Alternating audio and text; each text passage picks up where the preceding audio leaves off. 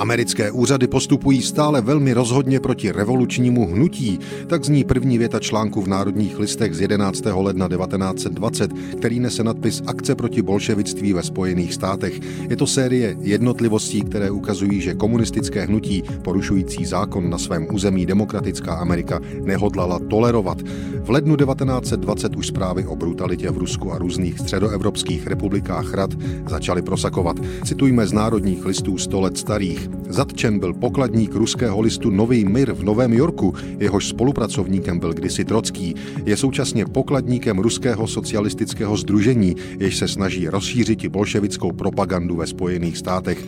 Doznává, že jménem združení poslal několik milionů dolarů v šekách komunistické straně v Americe, ale předstírá, že tyto peníze nebyly poskytnuty družstvem. Z Washingtonu se sděluje, že Labor Department požádal kongres, aby povolil milion dolarů na provedení zákona proti cizím extremistům a 150 tisíc dolarů na jejich deportaci. Konec citátu.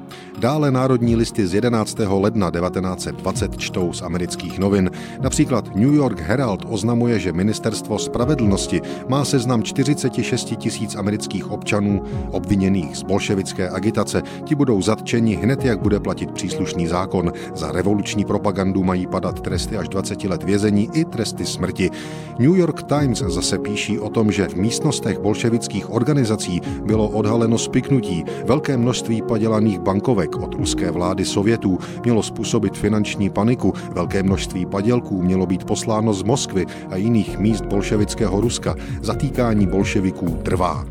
Naše národní listy na závěr znovu citují New York Times.